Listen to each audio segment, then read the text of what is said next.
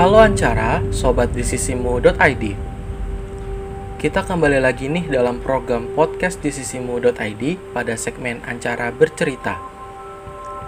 Jadi pada kesempatan kali ini, kita sudah menghubungi beberapa sobat Ancara yang bersedia untuk memberikan cerita atau pengalaman pribadinya untuk ikut berpartisipasi dalam podcast di sisimu.id.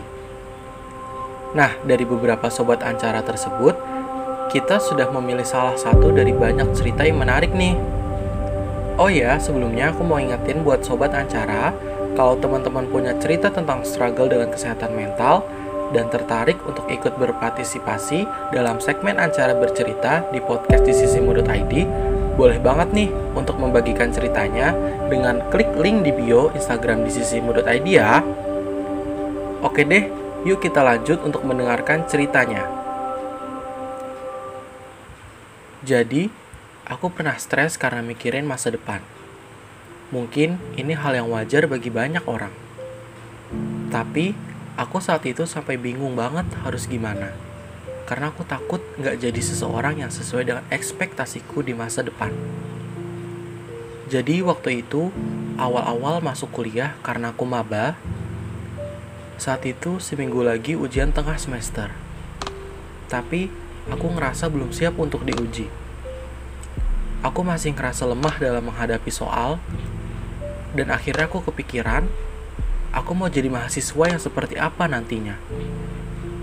Kalau aku nggak bisa di akademik, berarti aku harus unggulkan di bidang lain seperti organisasi dan bisnis.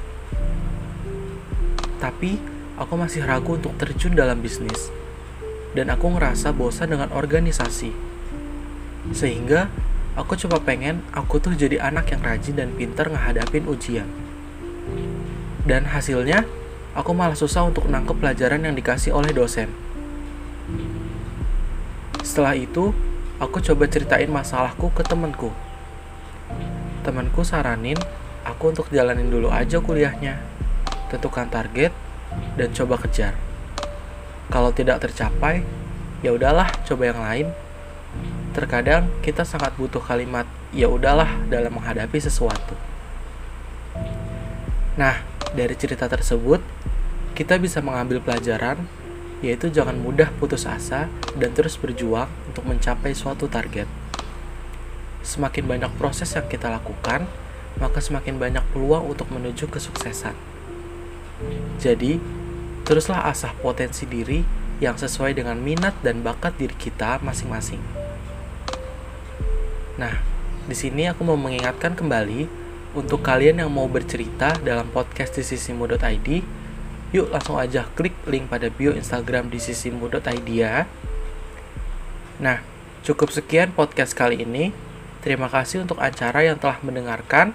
Sampai jumpa pada podcast selanjutnya. Merangkul bersama setulus hati.